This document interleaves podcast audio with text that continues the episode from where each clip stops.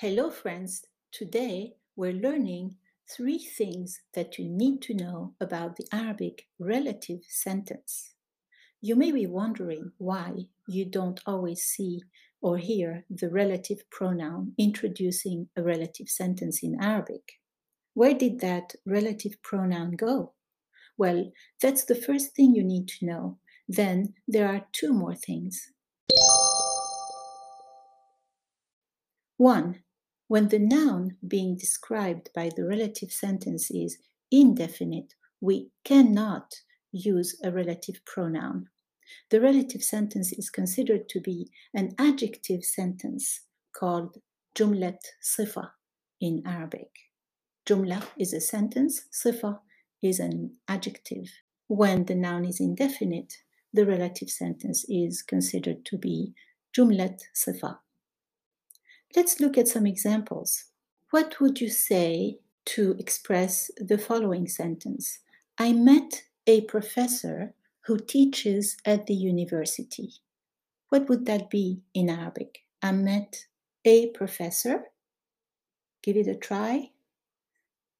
قابلت أستاذا right it's indefinite a professor who teaches at the university would be يدرس في الجامعة Basically, he teaches at the university. We are simply adding the sentence as is without any relative pronoun because ustad here is indefinite. Notice how it's nunated because it's indefinite. قابلت أستاذا يدرس في الجامعة. Okay, let's try another example.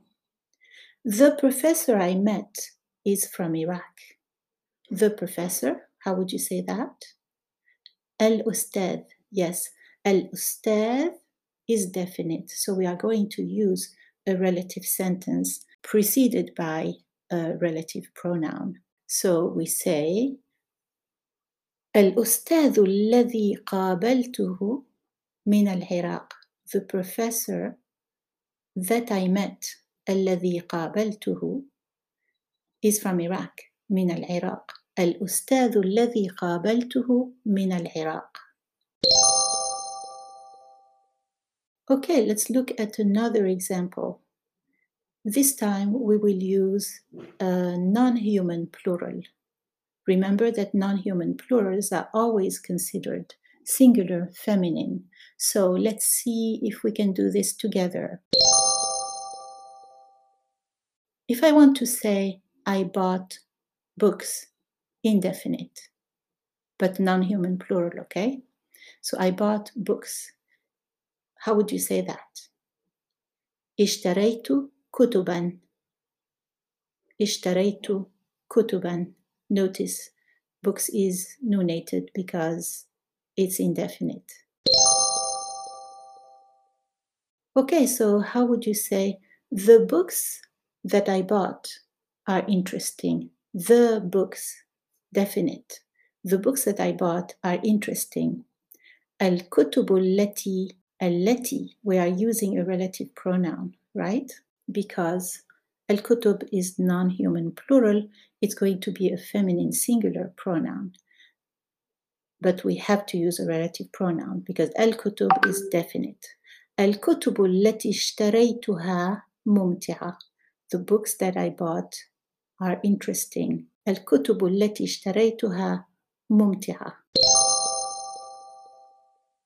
Very good. Now, did you notice that we said الأستاذ الذي قابلته The professor that I met him is from Iraq.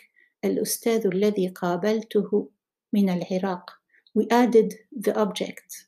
When there is an object involved, it has to be added in the relative sentence. We cannot say al-ustadu alladhi qabaltu as you do in, in English, for example. You have to add the object. Al-ustadu alladhi qabaltuhu. Also, al-kutubu allati ishtaraytuha. The books that I bought them, the pronoun has to be there. Okay, I will make another podcast testing you on this. Okay? So see you at the next podcast. and check out my YouTube video on this. I'm making a YouTube video today on the same topic using examples in a little story. Check out my YouTube channel and my books on Amazon.